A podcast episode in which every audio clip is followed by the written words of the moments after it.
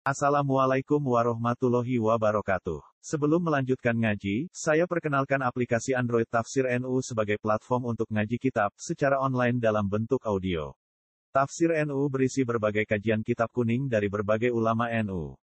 Silahkan download aplikasi Tafsir NU di Google Play Store. Link download ada di deskripsi. Wassalamualaikum warahmatullahi wabarakatuh.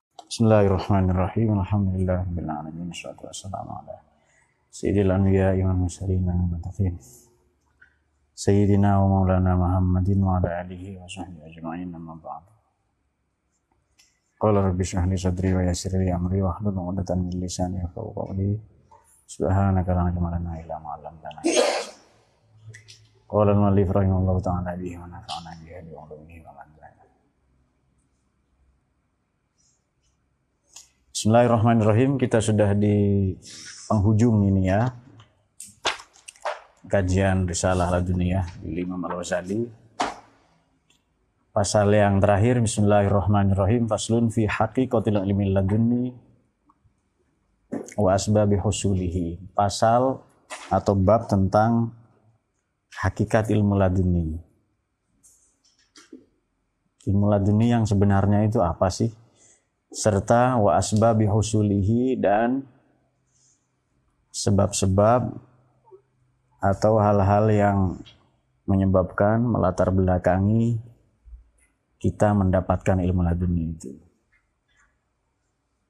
Dan faktor-faktor atau sebab-sebab yang menyebabkan kita memperoleh ilmu laduni itu apa?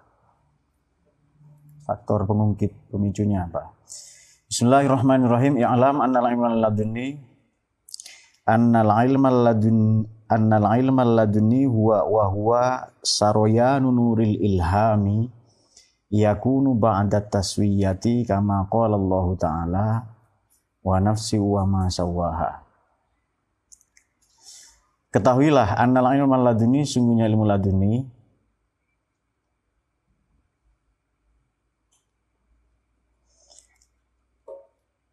Wahwa tak lain adalah wahwa ada ilmu laduni itu sendiri adalah ilmu laduni tak lain adalah saroya nunuril ilham.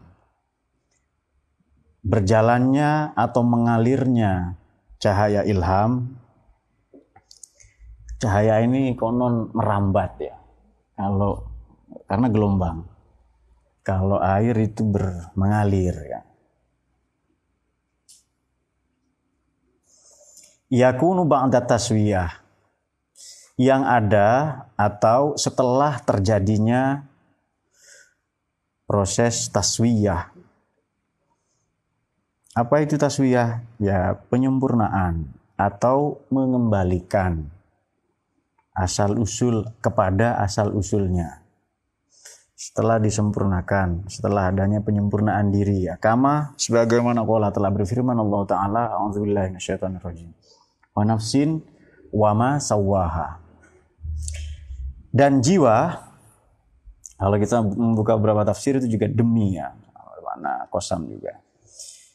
Dan jiwa atau demi jiwa wa ma sawaha dan apa pun yang menyempurnakan jiwa itu, penciptaan maksudnya. Demi jiwa dan penyempurnaan penciptaannya. Memang Allah yang membentuk itu, yang menciptakannya, serta menyempurnakannya pula. Wahazar rujuk yakun bisalah sasi aujuhin. Dan ini rujukannya ada dalam tiga aspek. Rujukannya, acuannya ada dalam tiga aspek. Ya, selamat datang, silakan. Pertama, ahaduha tahsilu jami'il ulumi wa akh wa akhdul hazil aufar min aksariha. Yang pertama adalah tahsilu jami'il ulum. Memperoleh semua pengetahuan serta serta wa akhdhul hazil aufari mengambil mengadopsi atau mengadaptasi ya mengambil bagian yang paling penting atau bagian yang paling sempurna min aksariha dari kebanyakan dari jami'ul ulum tadi itu, dari kebanyakan ilmu-ilmu tersebut.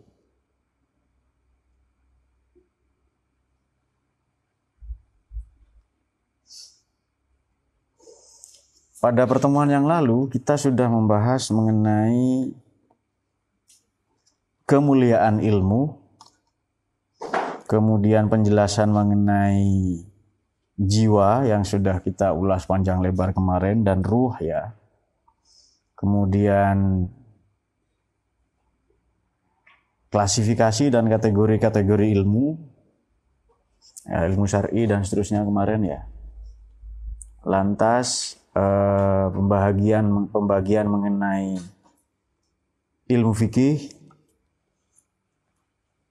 ilmu akli ya, kemudian ada ilmu alam dan seterusnya kemarin, ilmu pasti ya, saintek, riyadi, wal mantiki itu. Setelah itu ada pasal mengenai martabat-martabat atau derajat paling tinggi dari pengetahuan, ilmu akli dan seterusnya. Kemudian kemudian eh, dua model pendidikan yang ditawarkan oleh Imam Ghazali, pendidikan insan, insani dan robani. Yang robani itu melalui wahyu dan ilham. Kemudian kita telah sampai di pasal yang ini ya.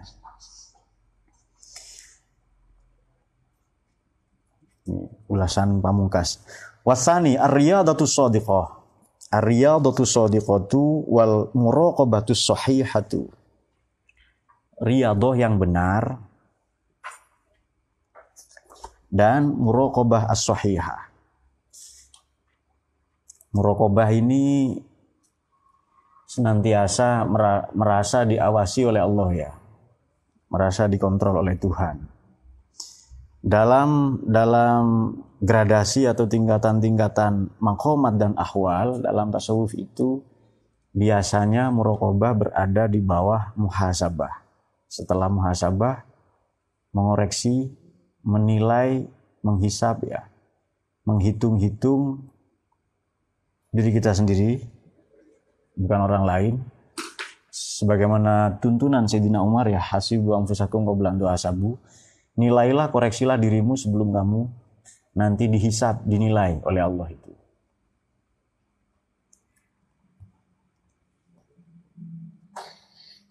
Seorang Arab Badui pedalaman datang kepada Nabi bertanya, nanti yang nimbang amal itu siapa? Staf khususnya Tuhan, malaikat-malaikat atau Tuhan sendiri? Tuhan sendiri, kata, kata Nabi begitu. Lalu orang Badui tadi ketawa-ketawa. Alhamdulillah kalau gitu santai katanya itu. Loh kenapa? Ya Allah itu karim, Allah itu rahim. Tidak mungkin dia tega menyiksa saya. Loh kenapa? Ya saya kan umat kamu katanya. Saya ini umat Anda, saya pengikut Anda. Mana mungkin kekasih menyiksa pengikut dari kekasihnya sendiri katanya. Kalau malaikat yang nimbang saya cemas kata itu. Nah, juga Allah yang nimbang sendiri katanya. Ya sudah. Artinya Nabi melegitimasi itu ya. Nabi membenarkan sikap yang demikian. Itu kabar baik bagi para pemalas ya. Nanti yang nimbang Allah ternyata itu.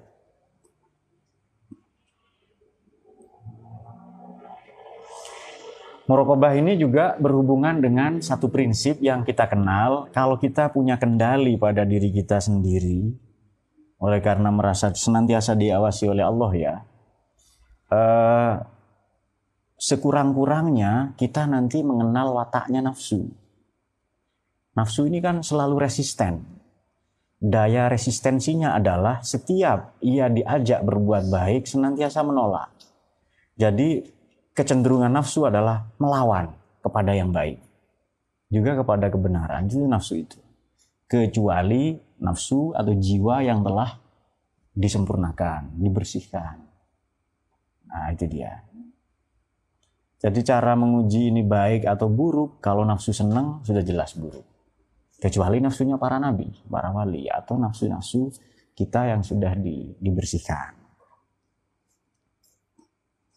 Kalau meminjam Istilah yang dipakai Immanuel Kant itu etika otonom.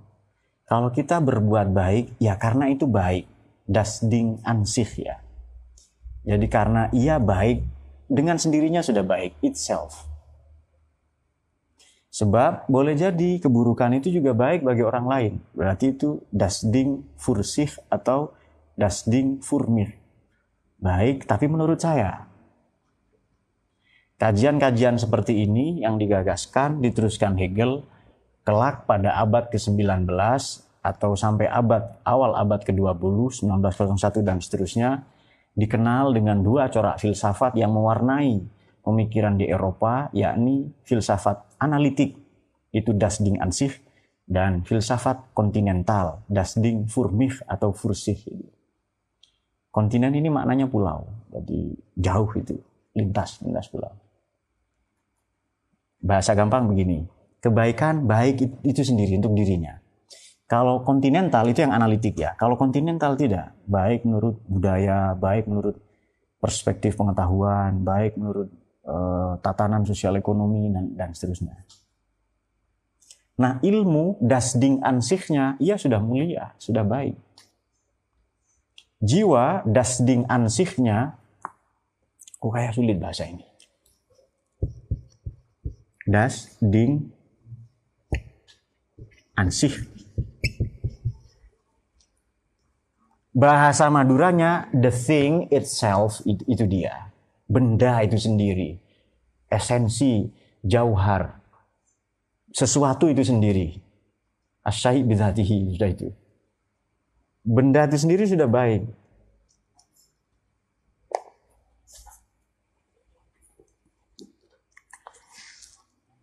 Nah, poin nanti ada apa yang kemarin kita janjikan ya. Tadi terima kasih Adnan sudah diingatkan. Ya, kita teruskan saja dulu. Itu merokobah yang sohihah. Sebab begini, ada selain uh, apa lawan kata dari etika otonom adalah etika heteronom. Hetero ini maknanya sudah banyak, heterogen. Zigot satu, heterozigot banyak zigotnya. Pasti lupa Margono. Bukan lupa, dia tidak sekolah. Memang. Zigot itu apa ya? Nggak usah pura-pura mengingat karena tidak pernah sekolah. Uh, kalau etika heteronom bagaimana? Saya, ini hakikat ihsan sebenarnya.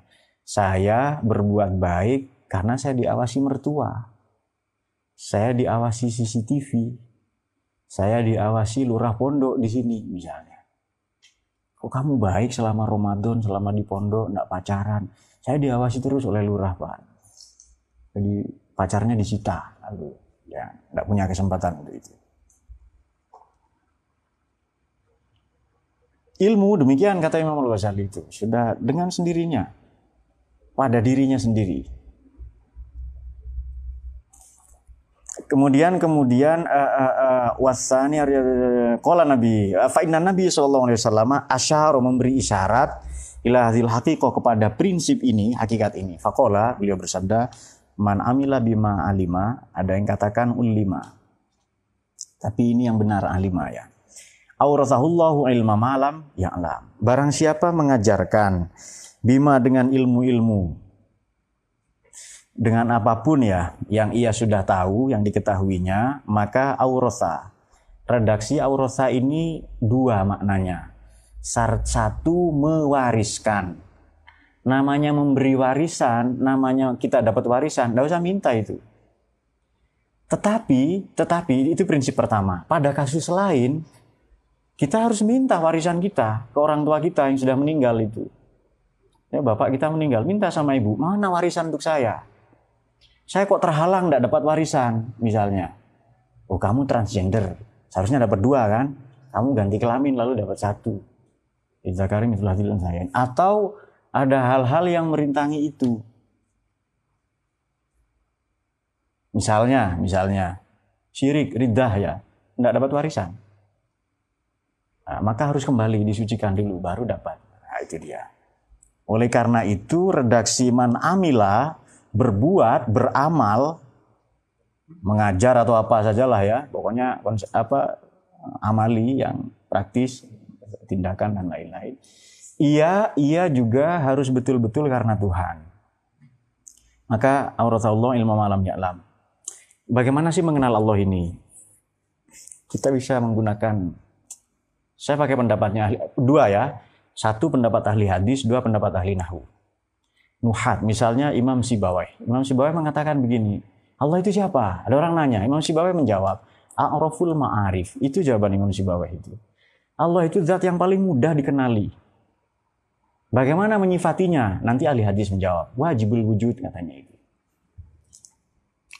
Uh, A'raful ma'arif. Kenapa? Buktinya nyata, buktinya banyak banget itu.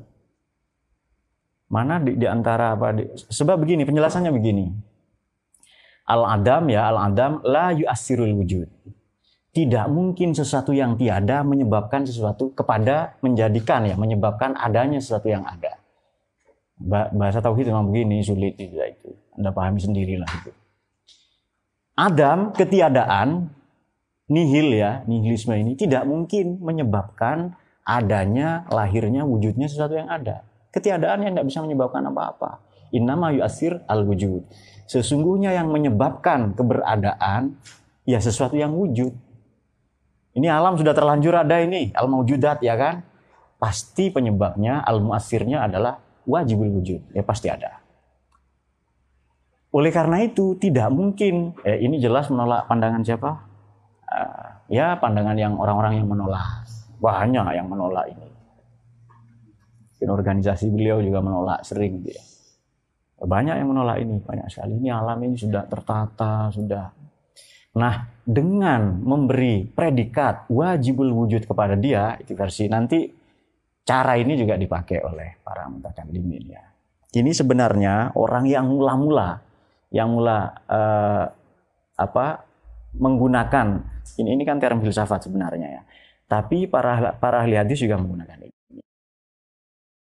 Imam yang disalahkan oleh beliau Imam An-Nasai pakai istilah wajibul wujud juga. Imam An-Nasai katanya. Uh, kalau begitu, kalau begitu, dengan memberi predikat dia wajibul wujud selesai, itu cara paling gampang. Maka beliau katakan a'raful ma'arif. Kenapa sih Tuhan paling mudah dikenali? Uh, bukan begitu. Tuhan paling mudah dikenali. Tetapi kenapa banyak orang yang kesulitan mengenalinya? Maka Allah kasih beberapa opsi. Ayo kenali dirimu seperti pernyataan para filosof ya. Ni'raf nafsaka, gnoti syauton itu. Know yourself, kenali dirimu. Nah, dengan cara itu kita gampang. Kalau sudah dikasih predikat wajibul wujud, selesai itu deh, selesai itu. Sudah pasti itu. Nah, ada, mungkin ada, mungkin tidak ada ya. Tidak mungkin ada, tidak mungkin tidak ada. Beberapa istilah yang dikembangkan dalam itu. Namun demikian, namun demikian dengan memberi predikat uh, oh ya, auraful ma'arif ini juga bisa kita lihat dalam aspek begini. Dalam satu aturan misalnya benda-benda sesuatu lah yang kita dapati di dunia ini apakah tumbuhan, pepohonan yang lebih luas adalah alam raya ini misalnya. Tidak sedikit orang yang menganggap adanya itu karena kebetulan, karena proses alam. Sebenarnya kata proses itu sendiri sudah bermasalah. Ini proses alam. Kata proses itu sendiri itu loh. Sebab setiap yang hidup kalau diteliti, misalnya apa pohon hidup. Apa yang menyebabkan hidup? Misalnya, dia hidup sendiri katanya. Coba saja cabut itu. Berarti hidupnya bergantung kepada tanah, hidupnya bergantung kepada air, hidupnya bergantung kepada atmosfer macam-macam itu.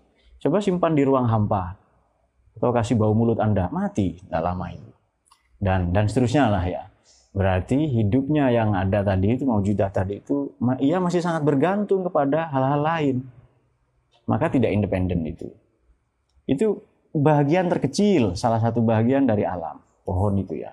Apalagi manusia. Begitu pula bintang-bintang, begitu pula maka sangat banyak dikenali. Anda boleh kata Imam Sibawah ini boleh ngambil daun, boleh binatang, tetumbuhan, jangan apa atau jangan jauh-jauh ke diri kita sendiri. Semua itu akan mengantarkan dia nanti wajibul wujud. Kemudian uh, oleh karena itu begitu Allah Allah mewariskan oh ya tadi Auratahullah Allah mewariskan. Artinya warisan ini kita tidak usah kerja. Ya dikasih warisan saja. Syaratnya mengamalkan saja. Syaratnya mengajar saja. Syaratnya berbuat saja. Berbuat berdasarkan apa yang diketahui. Berarti ilmunya menjadi amal. Merealisasikan ilmu menjadi amal nanti Allah mewariskan. Mengajarkan mewariskan apa-apa yang tadinya dia belum tahu. Itu pendekatan pertama yang lazim. Ada juga pendekatan lain. Misalnya,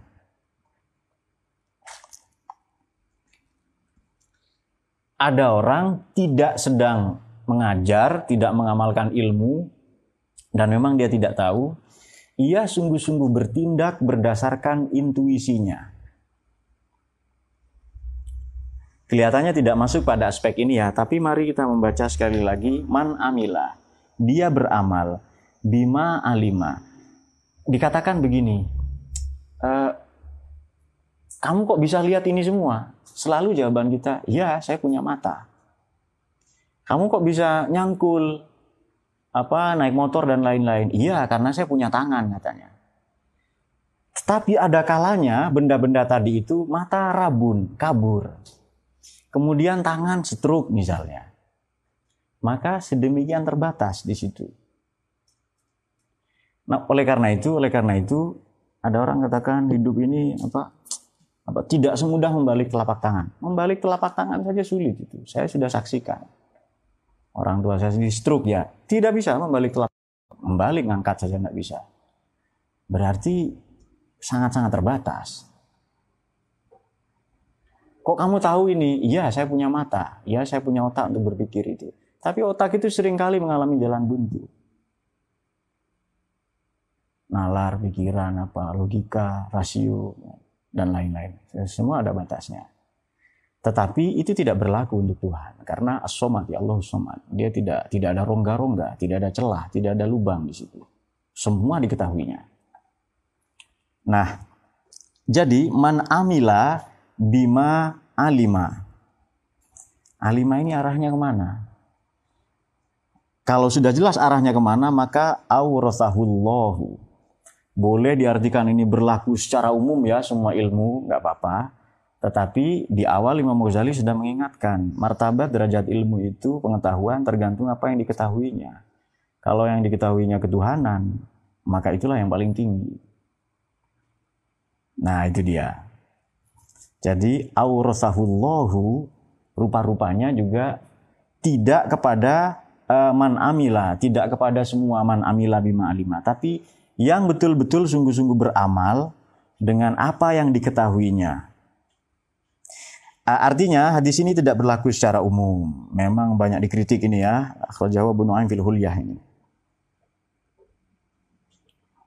Ada yang katakan ini pernyataan Nabi Isa, ada eh, bukan hadis gitu ya. Apa pun itulah ya.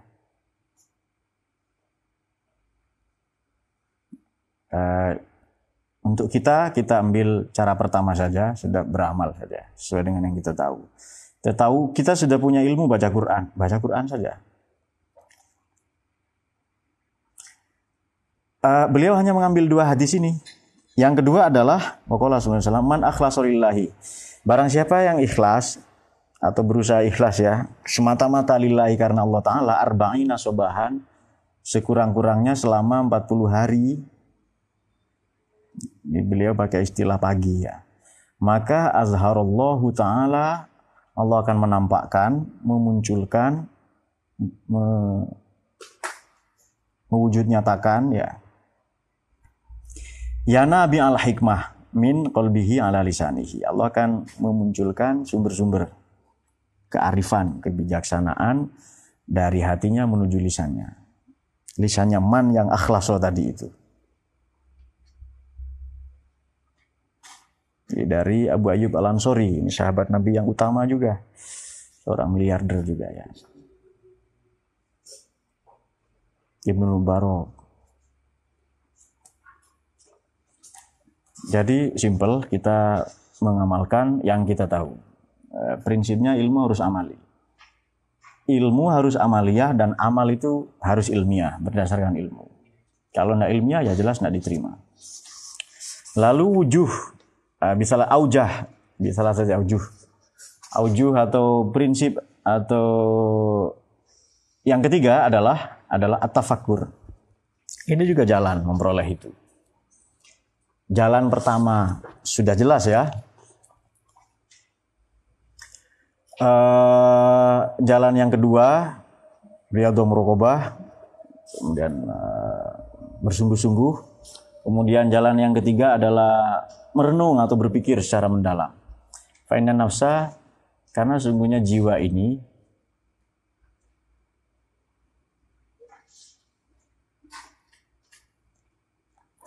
Iza ta'adlamat kalau sudah mengerti ia nafsu tadi jiwa tadi wartadon.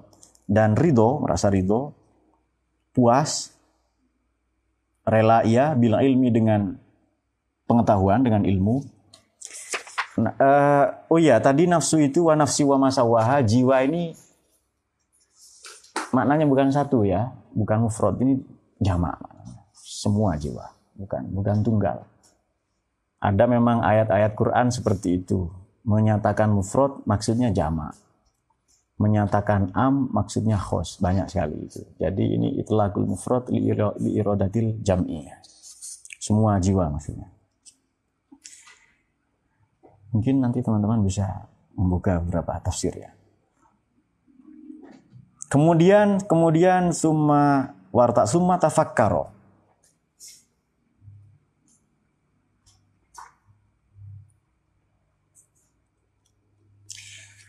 merenung secara mendalam fi ma'lumatiha perihal atau tentang semua yang diketahuinya tentang apa-apa yang diketahuinya oleh jiwa tadi tentu saja bisyurutil fikri dengan acuan-acuan dengan prasyarat-prasyarat dengan ketentuan-ketentuan aturan main lah ya dalam berpikir prinsip-prinsip logika eh, mengambil kesimpulan yang baik dan benar maka in fataha yan fatih yan fatihu alaiha babul ghaib. In fataha yan fatih betul. Maka akan dibuka. In fataha ini membuka seluas-luasnya ya. Kalau fataha membuka saja. Alaiha kepada jiwa akan akan dibukakan. Akan dibukakan. Selebar-lebarnya kepada jiwa tadi apa itu? Pintu-pintu pengetahuan tentang yang goib ya, babul goib. Misalnya, beliau mencontohkan seperti para pedagang, kata seperti pedagang, kata tajir.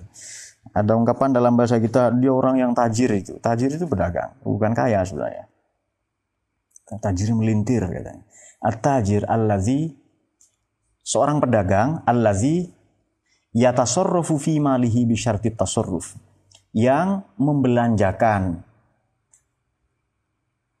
ini tentu membelanjakan dalam prinsip ekonomi ya, bukan hanya menghabiskan saja semata-mata tidak. Yang membelanjakan sesuai dengan prinsip ya. Fi malihi dalam harta bendanya itu bisyarti tasarrufi sesuai dengan prinsip-prinsip ekonomi, sesuai dengan prinsip-prinsip perdagangan. Ya yanfatihu alaihi abwabur rabh. Pasti kelak dibukakan baginya selebar-lebarnya pundi-pundi abu berrabhi pundi-pundi keuntungan. Ya diartikan pintu-pintu enggak apa-apa akan diberikan. Karena yang dibuka pintu biasanya. Dia mendapatkan banyak pundi-pundi keuntungan dalam perniagaannya itu. Wa idza salakatori kol khoto. Tetapi kalau namun demikian Idza salaka bila menempuh si pedagang tadi, tajir tadi, torikol khoto, langkah atau jalan yang salah, artinya tidak sesuai dengan prinsip tasarruf tadi ya. Prinsip ekonomi atau perdagangan yang benar, maka ya kau akan terjerembab ia, terjatuh, terlempar ia fi mahalikil khusron. Ya dalam jurang-jurang kerugian,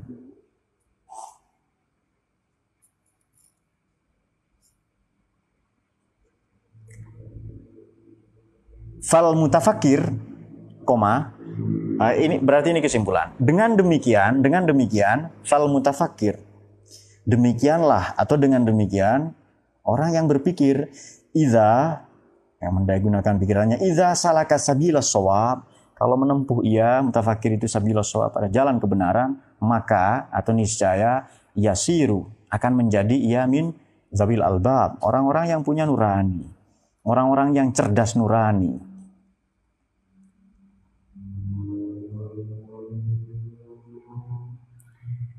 Wa tan fatihu raunatun min alamil ghaib. Ya akan dibukakan baginya. Ini raunah ini juga jalan, lorong. Bahasa Persia ya, nah fidah. Asluha Farisi. Akan dibukakan lorong atau gerbang dari alamul ghaib, dari alam yang ghaib. Hal-hal yang tidak diketahuinya, yang masih misterius, yang samar.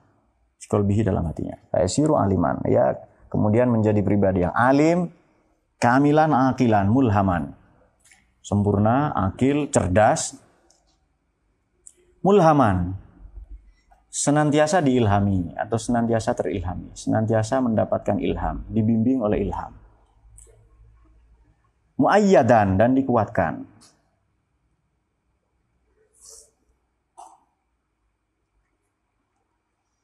Kalau menempuh jalan yang benar, orang yang berpikir tadi itu, ya dia akan mendapatkan itu. Karena cara atau metode mendapatkan dunia salah satunya dengan tafakur ini. Saya juga pernah cerita apa dalam buku uh, uh, Mausu'ah Ibul Qosos. Jadi pengarangnya Syekh Ahmad bin Salim Badwilan yang beliau menceritakan seorang uh, menceritakan kelalaian seorang mumarrid pelayan di rumah sakit menghadapi dua pasien ibu sama-sama melahirkan laki-laki dan perempuan anaknya. Tetapi karena kelalaiannya ya manusia lah ya human error di kedua bayi tadi tidak dikasih gelang. Biasanya kan kalau anda datang ke kamar bersalin KB di rumah sakit itu ada gelangnya misalnya eh, Marco bin Baco ya misalnya. Belum tentu Margono ada orang namanya Marco misalnya. Jadi Margoco putri dari ibu Baco misalnya. Nah itu putri dari ibu Baco. Lupa rupa rupanya si Umar Rid tadi ya. Uh, lupa ngasih gelang. Lalu rebutan ibu itu. Anak saya ini anak saya yang ini yang satu menginginkan anak laki-laki, yang satu menginginkan anak perempuan. Walhasil tertukar. Maka dia bertanya kepada ulama. Ulamanya bukan dokter, dia tidak tahu. Asal baca saja, pokoknya ulama itu Bismillah saja itu. Nah, Bismillah uh, ayat beliau si ulama tadi membacakan uh, uh, uh, uh, apa? Lidzakari mislu hazil unsayain. Anak laki-laki mendapat bahagian dua kali lipat bagian anak perempuan. Itu si dokter bingung itu. Ini nanya-nanya ke sana kemari. Ini bukan soal ayat bukan ibu melahirkan, rebutan bayi bukan. Ini ayat ini tentang warisan, tentang hukum waris. Nah, tapi karena takzim ya, berbaik sangka kepada Quran, kepada ulama tadi itu dia merenung itu berpikir. Mikir lagi, mikir lagi sebab dua ibu tadi sama-sama tidak mau menyusui. Saya mau menyusui kalau yang ini katanya. Terus kata si ibu satunya, saya mau menyusui kalau yang ini. Bentrok itu kan. Kemudian dua bapaknya datang, saya saja yang nyusu. Itu tambahan dari saya, tambahan dari saya gitu. Di buku itu tidak ada. Itu tambahan itu ya supaya dayat kan nunggu itu kan itu. Nah itu juga yogi ya. Aktivis kok ngantuan yoginya, sebentar-sebentar ngantuk dekat-dekat sama ini. Saya dikasih ciuman lah sama Falahuddin ini. Entah bagaimana ya, uh, nanti ada kesimpulannya, ada natijahnya.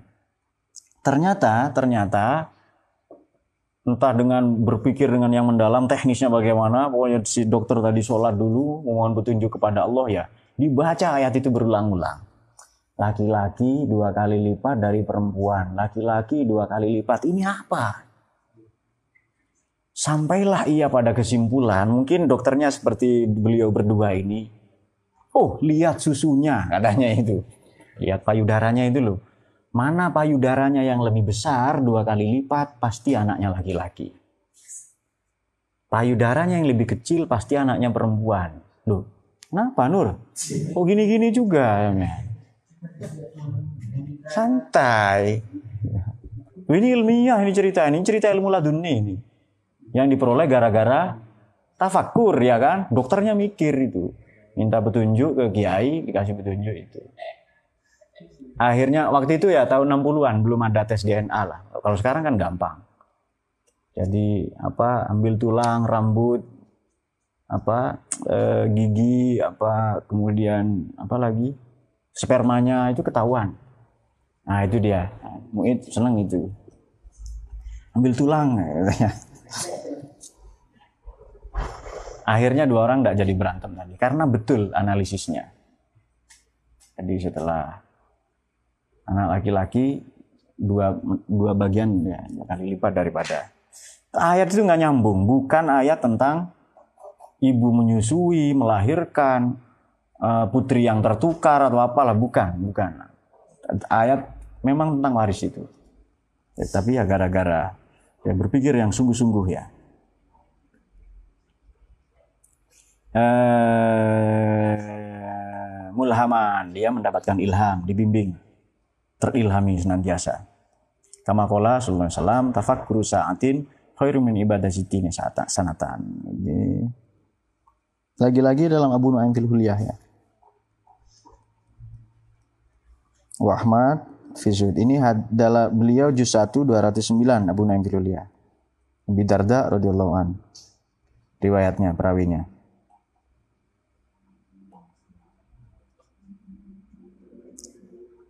Redaksi yang lain tafakuru sa'atin khairu min qiyami lailatin. Ah ini Laila juga.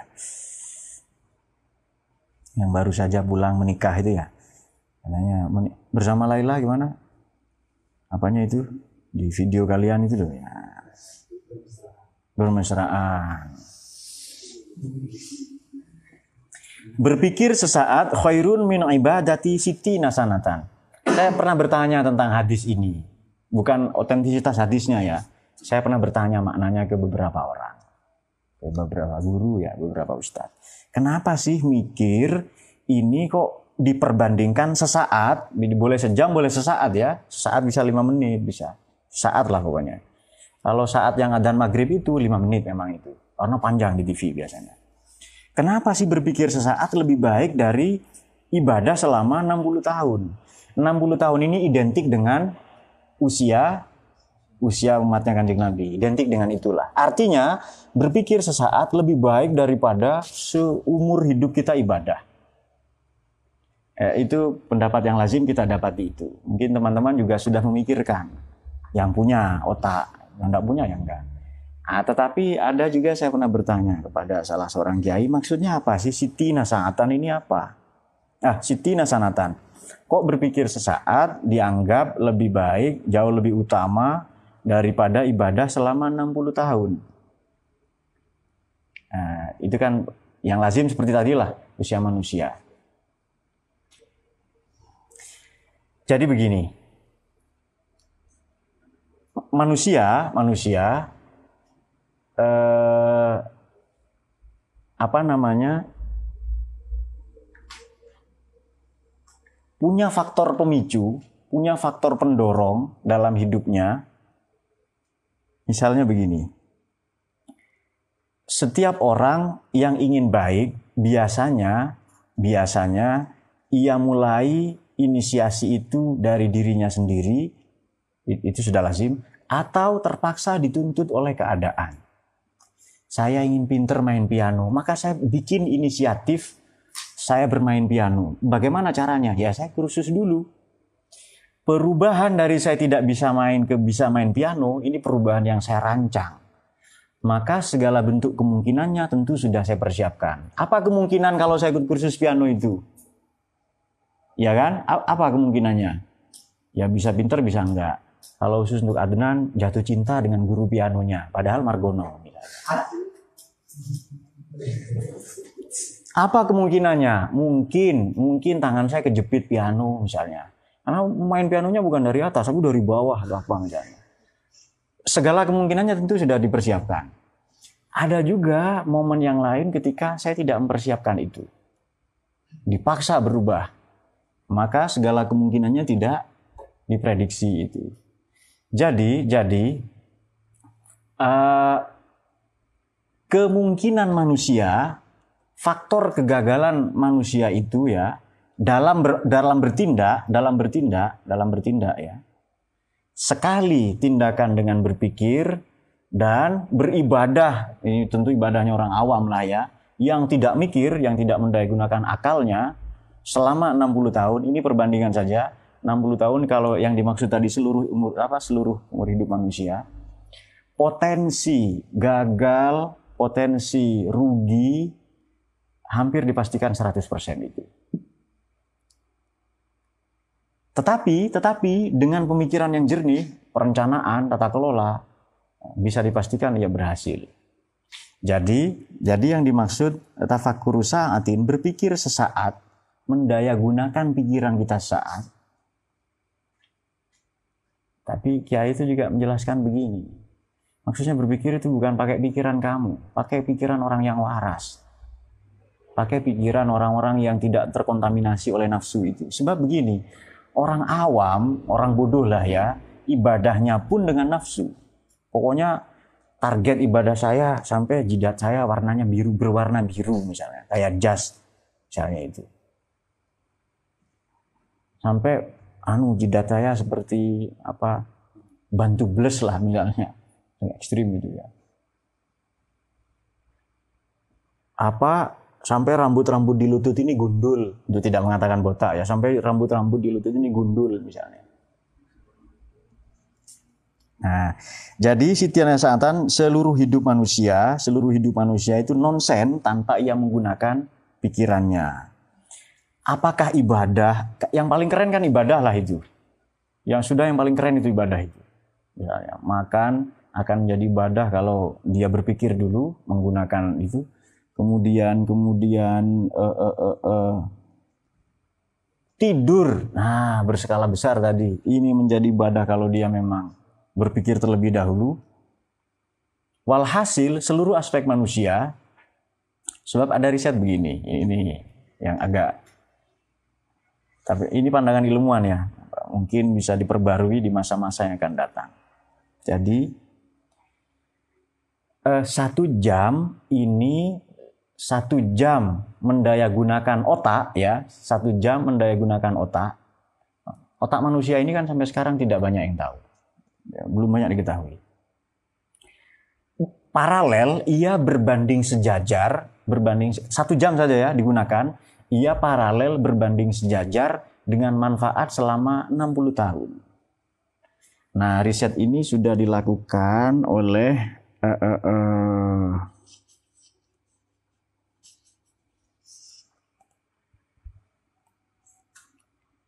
salah seorang neurolog di Harvard ya, kalau tidak salah namanya Eric Chudler. Eric Chudler, nanti Anda cari itu nama itu. Ia ia berpikir bahwa otak manusia ini ya, kalau dipakai seminggu, ah, otak manusia ini ya, kekuatannya, kekuatannya itu bisa setara dengan listrik yang menyala selama seminggu dan menerangi seluruh negara. Jumlah selnya, jumlah selnya uh, kalau diurut ya sana itu, Anda butuh waktu lebih kurang 5000 tahun untuk menghitung satu sel setiap sel satu detik itu. Anda butuh uh, waktu selama itu. Jadi, jadi manfaat satu jam menyalakan otak, saklar ya dinyalakan itu, uh, ia akan berbanding dengan pendekatan listrik tadi itu ya. Ia akan berbanding dengan 60 tahun usia manusia. Ini mungkin eh, pendekatan yang lebih baru lah ya. Apa pun itu berpikir sesaat yang lebih mudah adalah uh, jauh lebih penting daripada ibadah sepanjang hidup manusia. Nanti Anda teman-teman bisa cari ya Eric Judler itu seorang neurolog ya ahli tentang itu.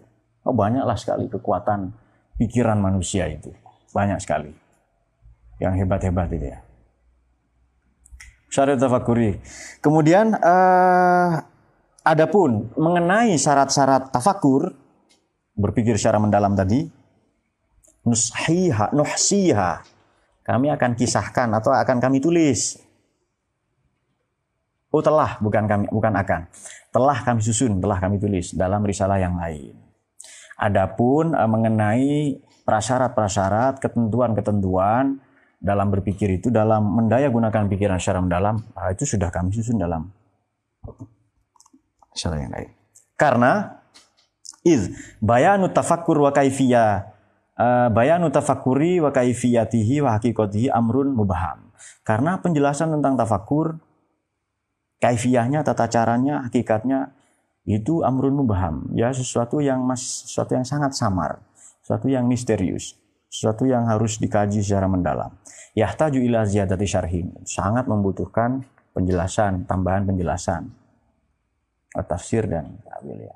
Yaunillahi ta'ala dengan uh, pertolongan Allah Ta'ala. Wah ini harus tidak boleh main-main katanya itu.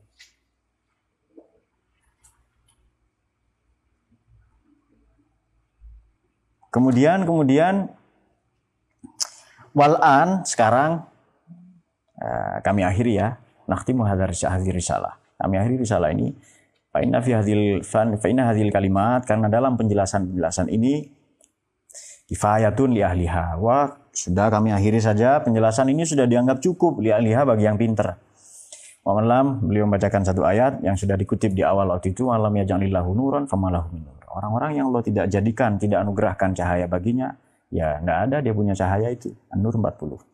Allah waliyul mu'minin. Allah itu adalah penolong bagi orang-orang beriman. Walaihi tuklan. Kepada ialah, kepada dialah kita berserah diri. Ini wak, wali ya dari wakil. Wa ilaihi tuklan. Alaihi tuklan. Sallallahu alaihi Muhammadin wa alihi wasallam. Wa hasbunallah. Kiranya telah mencukupi ya kepada kami Allah Allah. Wa ni'mal wakil dan uh, uh, sebaik-baik ialah Allah lah sebaik-baik nikmal wakil, sebaik-baik tempat kita berserah atau berpasrah ya. Kenapa? Dialah sebaik-baik yang mewakili segala urusan kita, termasuk dalam konteks ilmu ladun ini. Wala wala quwata illa billahil azim. Wabihi dan dengan Allah itu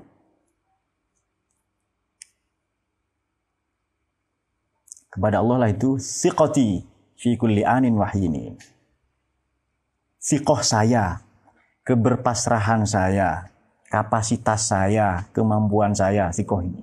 Fikulian dalam setiap saat wahinin dan waktu. Ya sudah kemampuan saya ini ya hanya berpasrah saja kepada Allah itu. Kita kita melihat dengan begini. Oh ya kemarin seperti Riyadhah itu ya, Riyadhah Sodikoh itu.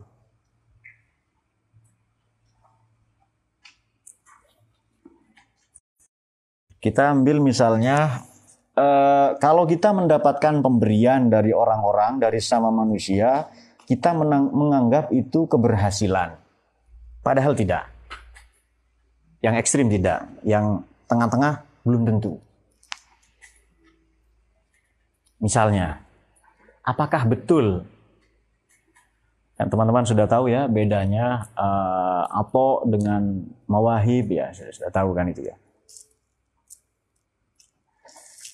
Kalau saya mendapatkan prestasi berupa misalnya lulus kuliah, ya, sudah kuliah, saya sudah selesai misalnya sarjana misalnya. Saya menganggap ini prestasi, belum tentu. Saya selesai kuliah, belum tentu itu prestasi. Kemudian saya juga sering kali menganggap saya ini gagal. Kenapa? Sekarang di lockdown, usaha saya gagal, saya tidak jadi menikah misalnya. Belum tentu Jadi, jadi uh, bagaimana menyikapinya? Bagaimana menyikapinya? Kita bisa menggunakan dua pendekatan begini, termasuk dalam ini bukan dibantu kriyadoh ya.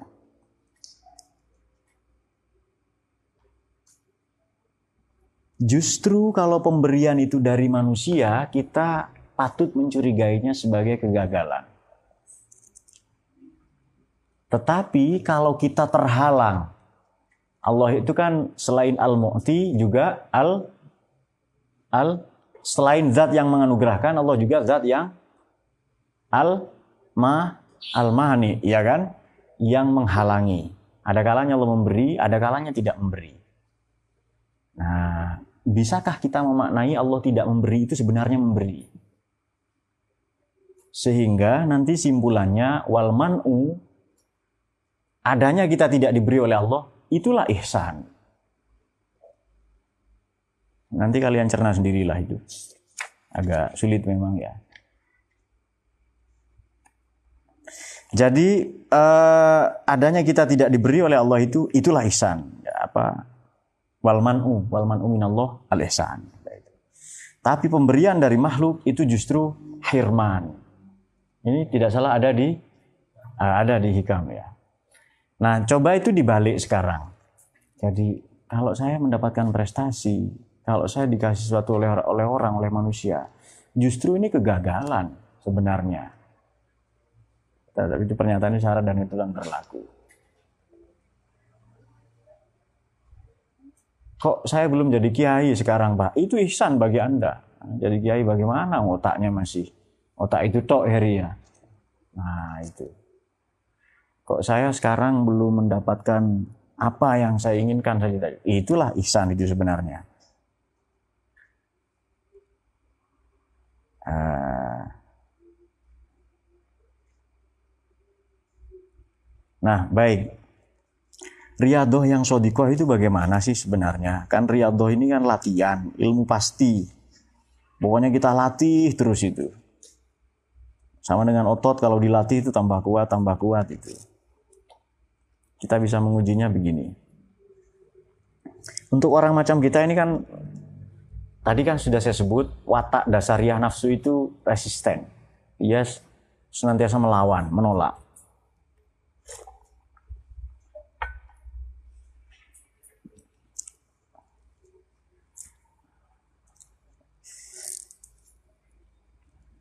Ada ilustrasi menarik ya.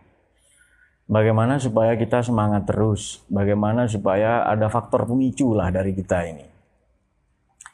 Di awal-awal abad 19 Jepang ini menguasai nyaris seluruh eh, mau menguasai nyaris seluruh perairan di Asia Timur. Asia Timur ini Jepang ya dan semenanjung Korea.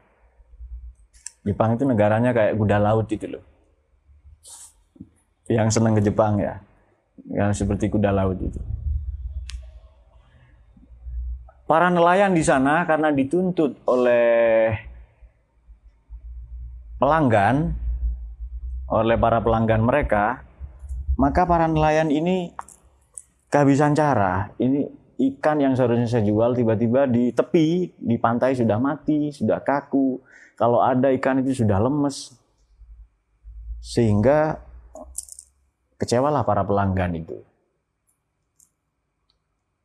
Lalu Orang-orang Jepang seperti Heri ini berijtihad. Masukkan saja ke tong katanya. Kasih air yang penuh. Supaya nanti ikan ini nyampe ke pantai dalam keadaan hidup, tidak mati lagi. Ternyata mati juga. Karena ikannya apa tadi dikejar-kejar ya. Berdesak-desakan.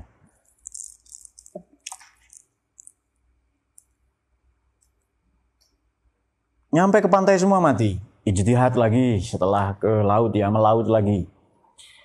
Tong ini tidak diisi e, ikan penuh, airnya saja penuh, ikannya separuh itu. Tidak mati nyampe ke pantai, tapi ikannya lemes.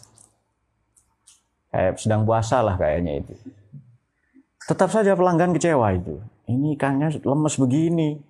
Saya kan ingin sehat. Saya bermasalah dengan tulang belakang, saya ingin sehat misalnya Cari lagi ijtihad itu. Itu kan berarti prinsip tafakur juga kan ya. Terus berimprovisasi lagi. Sampai akhirnya tong itu diisi ikan separuh saja, airnya penuh, dan dikasih hiu-hiu kecil. Maka ikan ini sampai ke tepi pantai dalam keadaan berkeringat. Semangat ikannya. Kenapa? Karena dikejar hiu itu. Maksudnya apa? Hidup itu maknanya ada harus ada yang ngejar kita di belakang. Saya dikejar calon mertua, Pak. Bagus itu. Saya dikejar utang misalnya. Saya dikejar skripsi misalnya. saya dikejar apa lagi itu? Dikejar diri saya sendiri misalnya. Nah, demikianlah supaya kita uh, konsisten itu. Nah, sekarang sekarang teman-teman tentukan apa yang menyebabkan kira-kira yang menyebabkan komitmen Anda ya, resolusi bagi Anda yang menyebabkan kira-kira Anda akhlaso arba'ina sobahan. Bisa ikhlas, concern selama 40 hari. Apakah baca Quran, tapi konsisten ya. Apakah membaca Al-Fatihah misalnya. Apakah belajar, apakah beramal, apakah berbaik sangka misalnya. Pokoknya selama 40 hari itu sesuai dengan tuntutan yang ada tuntunan yang ada di sini tadi. Apa kira-kira? Kemudian juga tentukan di Ihya itu ada bab tentang mu'aqabatun nafas, menghukum diri sendiri. Tentukan punishment, hukuman bagi diri Anda. Apa Nur? Tentukan hukuman. Kan sudah tadi ya. Hiu. Nah, hiu misalnya beginilah ya Nah, hiu versi terbaru lah ya. Kemudian tentukan punishment. Ini berarti nomor satu prinsipnya komitmen. Dua punishment, hukuman. Mu'akobatun nafas. Menghukum diri sendiri. Tidak usah orang lain, menghukum diri sendiri. Kalau saya tidak konsisten dengan ini, riadoh ini misalnya, sebelum sodikonya nanti, kalau saya tidak konsisten dengan ini, apa hukumannya? Sayyidina Umar kalau telat, bukan telat, bukan telat uh, sholat, kalau beliau telat sholat jamaah, beliau menghukum dirinya sendiri dengan uh, langsung sedekah unta. Telat satu rakaat itu. Nah, anda perlu mu'aqabatun nafas. Menghukum diri sendiri. Kalau tidak konsisten itu loh. Memang hidup ini keras, betul Ustadz ya. Kalau lembek, tidak lahir kalian ke dunia itu. Emaknya lembek itu, tidur itu, mana bisa lahir? Nah, anda harus keras itu.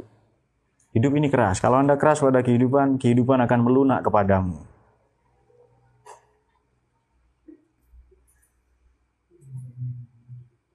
Kalau tidak salah itu juga masuk dalam bab mujahadah juga ya.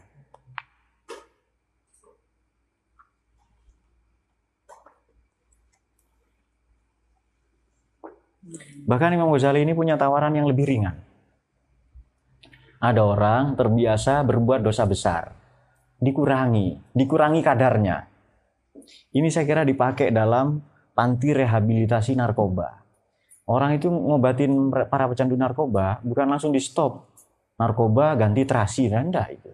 Memang narkoba, tapi dikurangi kadarnya. Biasanya narkoba sehari berapa? 2 kilo. Kurangi itu jadi setengah kilo misalnya. Untuk dayat, kadar menghayal pasal Jepang itu sehari dua jam, dikurangi. Dikurangi dua jam, dikurangi satu jam setengah misalnya, lalu tersisa setengah jam. Tapi bukan setelah itu ditambah lagi, bukan. Jadi beliau ini punya pendekatan yang yang sangat toleran menurut saya. Ya, yang sangat toleran itu. Tidak ada dosa yang tidak berkemungkinan diampuni. Uh, kalau pakai apa uh, uh, uh, teori batas ya, batas tertinggi had a'lanya adalah mu'akobatun nafas, menghukum diri sendiri. Batas terendahnya adalah memaafkan diri sendiri dengan cara apa? Uh, yang tadinya, yang tadinya dia bermaksiat terus selama satu minggu, berkurang maksiatnya sekarang.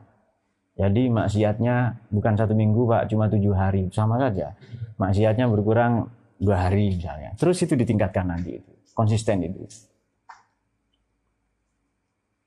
Uh, atau mencari antitoksin.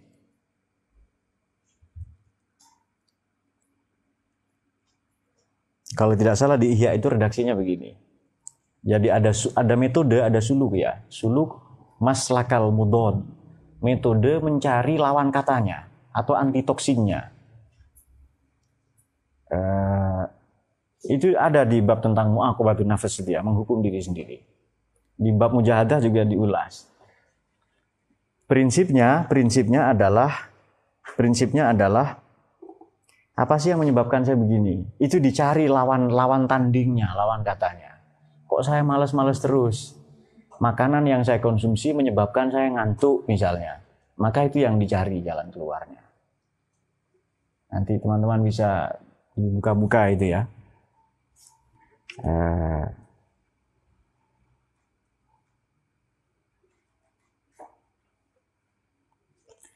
Jadi beliau perlu dicatat bukan inilah, bukan ini loh ya, bukan membolehkan maksiat tidak, tapi maksiat tetap tapi yang lebih ringan. Yang lebih ringan.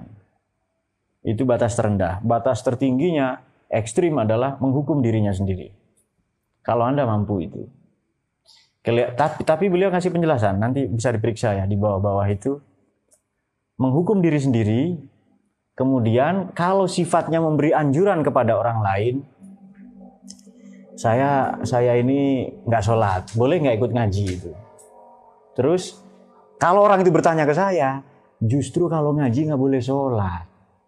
Bagaimana megang kitab memaknai sambil sholat? Bagaimana? Berhenti dulu sholatnya, selesaikan baru ngaji. Ya. Kalau bertanya yang ekstrim lah ya. Tapi beliau kalau memberi saran kepada orang lain adalah ya masih ada apa-apa tapi dikurangi. Nah itu dia. Ini sangat toleran. Perlu dicatat bukan bukan menghalalkan maksiat loh ya. Ini Margono sering salah paham di sini. Gitu saya ambil itu Pak. Bawa pulang nanti ya menyesatkan umatnya di sana. Kalau ada umat ya ternyata apa bukan bukan umat yang dia maksud itu. Nah, oleh karena itu latihan-latihan ini coba yang pertama adalah latihan mengenal Tuhan. Latihan betulkah Tuhan itu a'raful ma'arif dalam kehidupan itu. Coba saja itu. Jadi sodikoh ini boleh metodenya, boleh tujuannya, boleh caranya. Kalau tujuannya benar, memungkinkan caranya benar. Sebab kalau niatnya sudah salah, tujuannya salah, cara apa pun, baik atau benar sekalipun, sudah pasti salah. Puasa pakai niat sholat, sudah jelas salah itu. Nah, tapi nanti niatnya benar, tujuannya benar, caranya benar makna dari makna dari apa tadi riyadhos sodiko ini harus dibimbing oleh guru juga. Ya, harus dibimbing oleh guru itu. Misalnya, kalau pakai zikir, apa sih zikir yang paling cepat menghancurkan kemalasan, kemudian eh, pengaruh-pengaruh jahat, resisten dari nafsu? Itu zikir yang paling cepat itu apa? Jawaban saya, tidak ada zikir yang cepat. Tidak ada. Tidak ada cara jitu selain Anda istiqomah. Nah, anda nunggu kan itu kan? Enggak, saya nggak kasih itu. Cara yang santai itu. Cara yang santai tapi istiqomah itu. 40 hari. Subhanallah, Alhamdulillah, la ilaha illallah, akbar. Atau istighosa yang kita sudah itu. Atau baca sholawat itu. Tapi konsisten. Nah, eh, ini pasti beda-beda. Jadi kebutuhan dayat dengan kebutuhan siapa? Eh, falah ini pasti berbeda. Falah jika ya jadi pasti beda itu. Dosisnya makjunnya itu pasti beda itu. Nah, nanti tergantung mana yang kita pakai. Jadi makna dari riadoh sodiko itu riadohnya benar caranya benar niatnya juga baik dibimbing oleh guru dibimbing oleh orang yang sudah pernah menempuh jalan itu.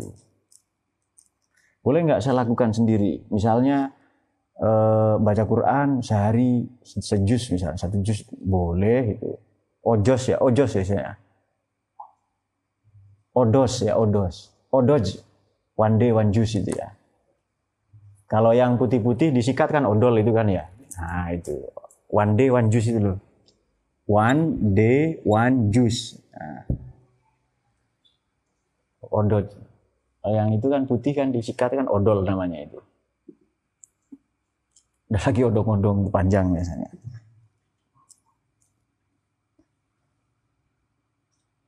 Uh, itu saya kira sedikit ya tentang uh, kalau apa dosisnya berbeda-beda.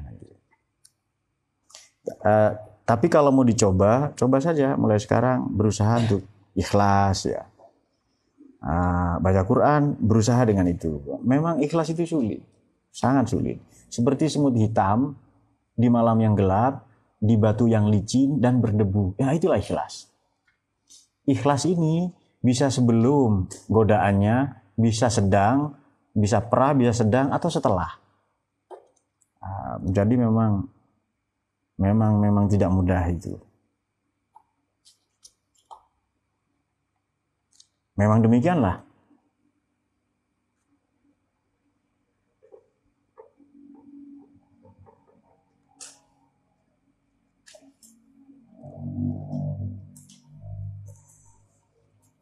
Saya akan ceritakan sedikit lagi ya. Nanti teman-teman bisa mengukur diri Anda sendiri dalam konteks Riyadhus Sodikoh ini. Silahkan pilih sendiri metodenya eh, apa eh, kadarnya bagaimana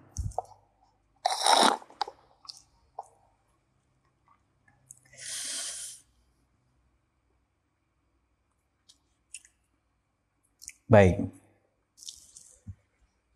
Kalau tidak salah, kalau tidak salah, Ali Syariati itu pernah bercerita tentang haji, memaknai haji itu sebagai drama ketuhanan. Drama ini kan salah satu karya sastra itu kan drama. Selain puisi, prosa, drama. Panggung itu loh ya, drama. Belakangan drama juga masuk ke televisi ya ada drama yang bikin ngantuk. Namanya melodrama, drama yang melo itu ya.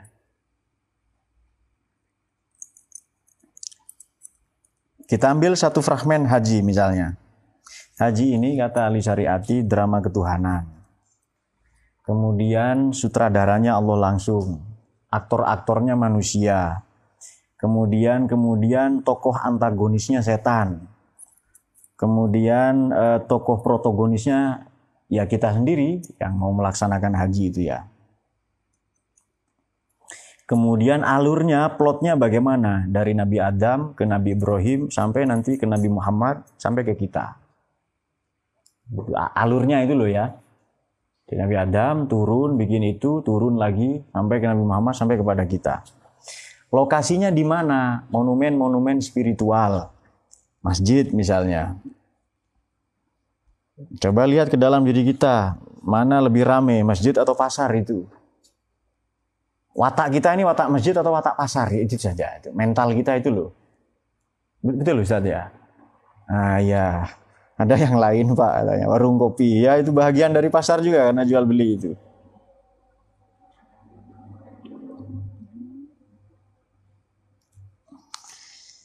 Monumen-monumen ketuhanan di mana saja? Sa'airullah mana? Ya Anda hanya masjid. Ada juga di mana itu?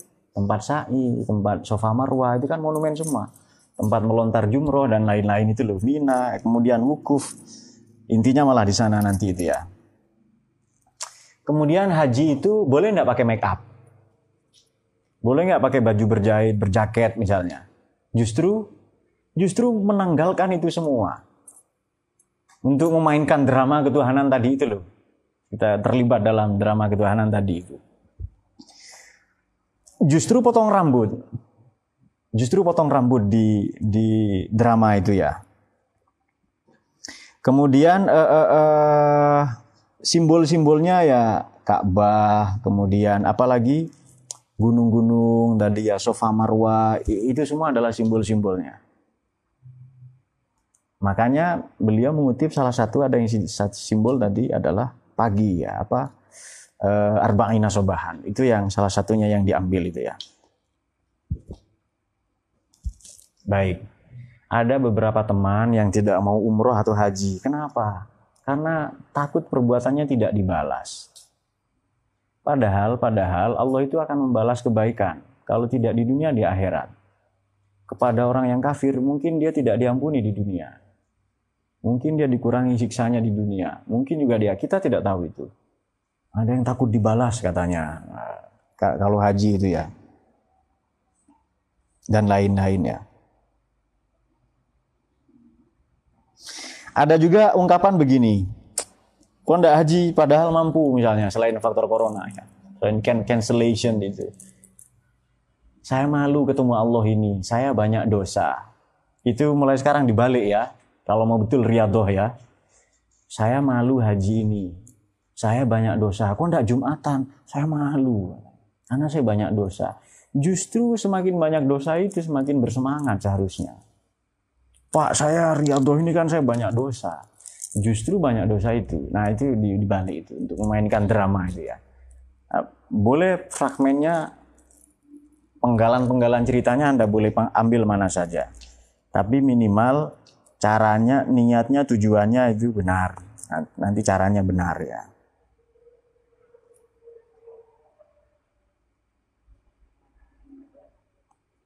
Baik. Dalam ibadah-ibadah itu karena ada dua syahadat, kemanusiaan dan ketuhanan, dua aspek ya dari syahadat sampai haji, sebenarnya itu tujuannya untuk mengenal, menjumpai diri kita sendiri. Selain mengenal Allah itu. Demikian pula riadoh itu sebenarnya. Sampai nanti ada pemahaman, kesimpulan bahwa kita ini makhluk yang paling lemah, yang paling tidak berdaya, yang paling rendah hina dina itu ya.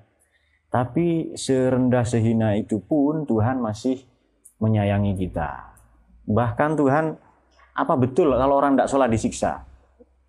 Kalau itu betul ya, kalau itu betul, kalau itu betul disiksa dalam bentuk versi Indosiar, maka sudah banyak orang mati nak sholat itu. Tapi kalau diadab dia dijauhkan dari rahmatnya Allah, itu ya. Diadab dengan tidak diberi kesempatan, disiksa dengan tidak diberi kesempatan untuk uh, mengenal Tuhan, mengenal kanjeng Nabi, itu ya. Tapi kalau disiksa, dipelintir lehernya misalnya versi versi sinetron azab, tidak. Buktinya banyak orang tidak sholat. Enjoy saja hidupnya. Tapi kalau di, disiksa, diazab oleh Allah dalam arti tidak diberi hidayah, itu ya. Rifai paham lah itu? Anggap saja paham lah itu. Jadi dalam uh, Riyadhus Sodiko ini kita uh, bisa mengambil itu, bisa mengambil salah satu uh, salah satu fragmen lah ya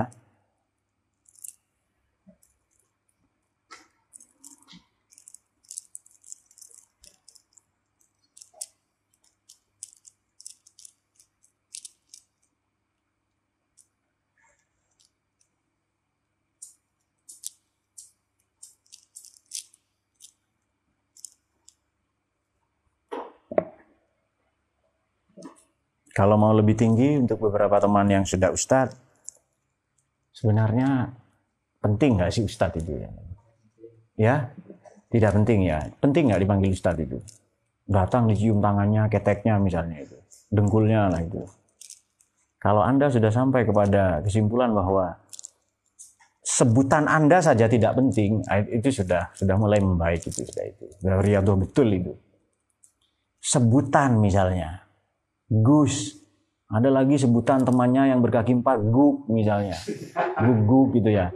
Kalau sudah sampai pada pada kesimpulan itu, momen itu ya, apalagi bisa 40 hari itu. Sedetik saja itu sudah keren itu. Nah, kalau masih belum ya, masih nyembah-nyembah sebutannya sendiri, namanya sendiri. Loh, kok saya tidak dipanggil Gus ini? Kamu belum tahu siapa saya, misalnya itu nggak tahu katanya. Ya sudah nggak apa-apa. Aja nah itu dia. Bahwa sebutan kita nggak penting sudah itu. Nah, ada orang kan haji kan? Sekarang kan takut semua dengan haji takut dibatalin itu loh. Bukan haji ya aduh padahal haji itu bikinan Belanda. Di mana-mana ndak ada dipanggil haji cuma Indonesia. Kalau Malaysia ada pasti niru itu bikinan Belanda kalau sudah haji pakai surban misalnya. Belanda itu pakai kopiah putih. Sebutan jadi Belanda karena haji dulu setengah tahun sampai satu tahun kalau pulang panggil dia Pak Haji. Kenapa? Supaya Belanda gampang mengidentifikasi. Jadi gelar haji bikinan Belanda. Kalau haji sekali H. Kalau tiga kali hahaha ya kan? Itu sebutan Belanda itu. Anda kok senang disebut haji nggak nengok itu sakit lehernya saya kan agak sering sakit itu nggak dipanggil haji misalnya itu yang agak ini ya nanti teman-teman. Nanti teknisnya bisa kita bicarakan setelah ini ya.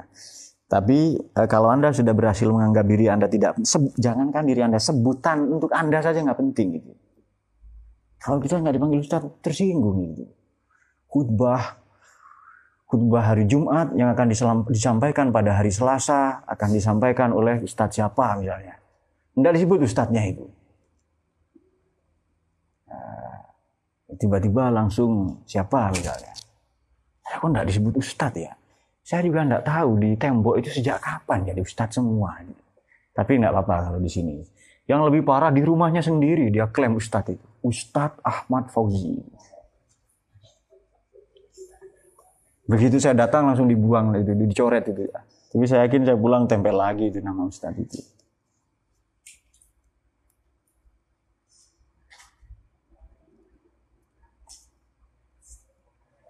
Kenapa sih saya cerita haji? Karena haji ini ya termasuk kata almarhum Gus Dur ya. Haji ini sebenarnya reka ulang, rekonstruksi, reka ulang peristiwa momen awal kejadian kita. Ya, dari surga ke tanah, ke bumi nanti kembali lagi. Ya, baru itu nanti kita sedikit lah ya ada pencerahan itu. Ya, reka ulang atau rekonstruksi dari itu semua.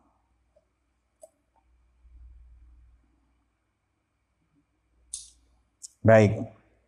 Jadi berdasarkan hadis yang kita baca, pendidikan paling tinggi adalah pendidikan paling tinggi adalah sebisa mungkin kita mengajarkan apa yang kita tahu. Sudah itu saja.